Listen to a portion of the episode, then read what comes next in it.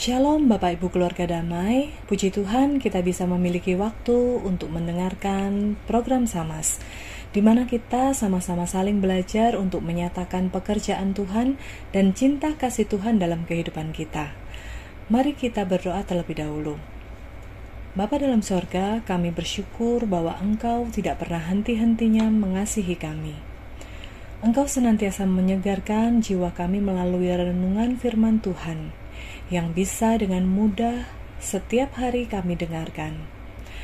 Kami mau hidup seturut dengan kehendak-Mu ya Tuhan. Berkatilah renungan yang akan kami dengarkan bersama, biarlah menjadi berkat bagi kami semua. Dalam nama Tuhan Yesus kami berdoa. Amin. Hari ini Rabu tanggal 15 November 2023 kita akan membaca firman Tuhan yang terambil dari Galatia 5 ayat 13. Galatia 5 ayat 13 saya akan membacakan bagi kita semua. Saudara-saudara, memang kamu telah dipanggil untuk merdeka.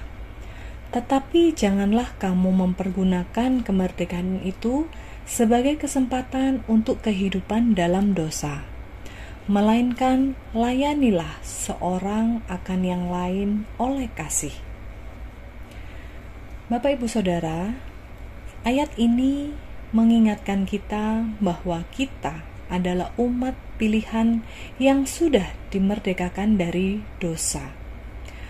Kita adalah umat berdosa yang telah diselamatkan dari hukuman maut. Nah, dengan kemerdekaan yang sudah kita kita dapatkan dari Tuhan dengan cuma-cuma itu, kita tidak boleh mempergunakan kemerdekaan itu sebagai kesempatan untuk bertindak atau berbuat semau kita. Kita tidak boleh melakukan perbuatan yang melawan perintah Tuhan, melainkan kita harus memakai hidup kita untuk saling melayani sesama kita dengan dasar kasih dari Tuhan. Tuhan Yesus sudah lebih dahulu memberikan pelayanan bagi kita dengan menyerahkan nyawanya untuk hidup kita di kayu salib.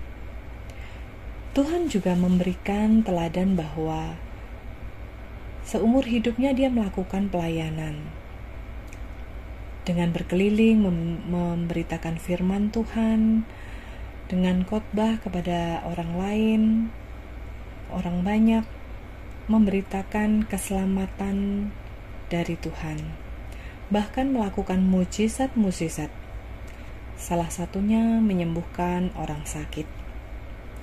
Jika Tuhan sudah memberikan teladan bahwa Ia melayani, kita juga harus melakukan pelayanan itu dengan motivasi yang Tuhan ajarkan. Saya sungguh bersyukur dalam hidup saya Tuhan memberikan kesempatan pelayanan. Ketika saya SMP, saya mengikuti KTB, kelompok tumbuh bersama. Kelompok kecil di mana belajar tentang firman Tuhan. KTB itu terus berlanjut hingga SMA dan kuliah. Dari KTB itu saya mendapatkan satu pembinaan sehingga waktu kuliah Tuhan memberikan kesempatan saya menjadi TPS atau tim pembimbing siswa dalam naungan perkantas. Pelayanan kepada siswa-siswa Kristen di sekolah yang mayoritas non-Kristen. Dengan mengadakan kegiatan menjaga kerohanian mereka, dengan mengadakan persekutuan doa di sekolah dan menjadi uh, kakak KTB, mengadakan eh, kelompok-kelompok kecil yaitu KTB. Saya sungguh bersyukur belajar bagaimana melakukan pelayanan dengan sungguh-sungguh. Semua untuk Tuhan. Pada saat kuliah, kita tahu bahwa uang saku pas-pasan. Saya harus ke sana kemari menggunakan angkot untuk pelayanan. Namun, Tuhan selalu mencukupkan. Saya tidak pernah berkekurangan. Di situ juga saya belajar untuk uh, memberikan tenaga dan waktu. Jadi kita harus belajar membagi waktu karena harus tetap bertanggung jawab terhadap studi saya pada waktu itu. Jadi Bapak Ibu ada dua hal, yaitu yang pertama mensyukuri anugerah keselamatan yang Tuhan sudah berikan. Dua, membagikan apa yang sudah kita dapat itu kepada orang lain. Dua hal itulah yang membuat saya memiliki kerinduan dalam pelayanan.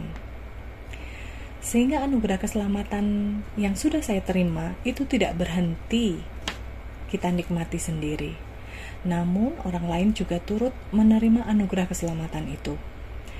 Sama sekali tidak terfikir apa yang akan kita dapatkan dari pelayanan itu. Setelah kita melakukan semuanya itu semuanya untuk Tuhan. Ada satu ayat yang bisa kita ingat selalu yaitu 1 Korintus 15 ayat 58 Karena itu saudara-saudaraku yang kekasih berdirilah teguh jangan goyah dan giatlah selalu dalam pekerjaan Tuhan. Sebab kamu tahu bahwa persekutuan dengan Tuhan jerih payahmu tidak sia-sia Nah, Bapak Ibu, saat ini waktunya untuk kembali pelayanan di gereja. Ikut terlibat dalam pelayanan di gereja adalah suatu ungkapan syukur kita kepada Tuhan yang senantiasa memelihara kehidupan kita hingga saat ini. Pelayanan di gereja tidak terbatas, Bapak Ibu. Bisa kita lakukan sesuai dengan karunia kita masing-masing yang sudah Tuhan beri. Dalam pelayanan di gereja, kita bisa belajar banyak hal, yaitu bagaimana kita harus menjaga komitmen kita untuk melakukan tugas dan tanggung jawab kita dengan baik. Belajar memberi waktu dan tenaga, belajar mengatur waktu, dan juga kita bisa belajar membagikan apa yang Tuhan sudah beri melalui talenta kita, melalui pengetahuan kita, dan lain sebagainya. Mari Bapak Ibu keluarga damai, ambil bagian dalam pekerjaan Tuhan di gereja kita tercinta GKI Damai. Sungguh sukacita tersendiri bila kita bisa menjadi berkat bagi sesama kita. Tuhan memberkati pelayanan Bapak Ibu, Saudara. Mari kita berdoa. Tuhan Yesus, Engkau sudah terlebih dahulu mengasihi kami kami juga mau belajar mengasihimu melalui pelayanan. Terima kasih untuk renungan sama hari ini. Kami mau belajar untuk memberi diri dalam pelayanan di gereja kami. Sesuai dengan karunia yang Tuhan berikan. Supaya kami terus belajar memberikan hidup kami sebagai persembahan yang hidup dan yang berkenan kepadamu, ya Tuhan. Ampuni segala dosa dan kesalahan kami. Berkati sepanjang hari ini ya Tuhan dalam segala aktivitas kami, Kiranya Engkau melindungi dan memberkati apa yang kami kerjakan. Di dalam nama Tuhan Yesus kami berdoa. Amin. Bapak Ibu keluarga damai, selamat ambil bagian dalam pelayanan di GKI Damai. Tuhan memberkati.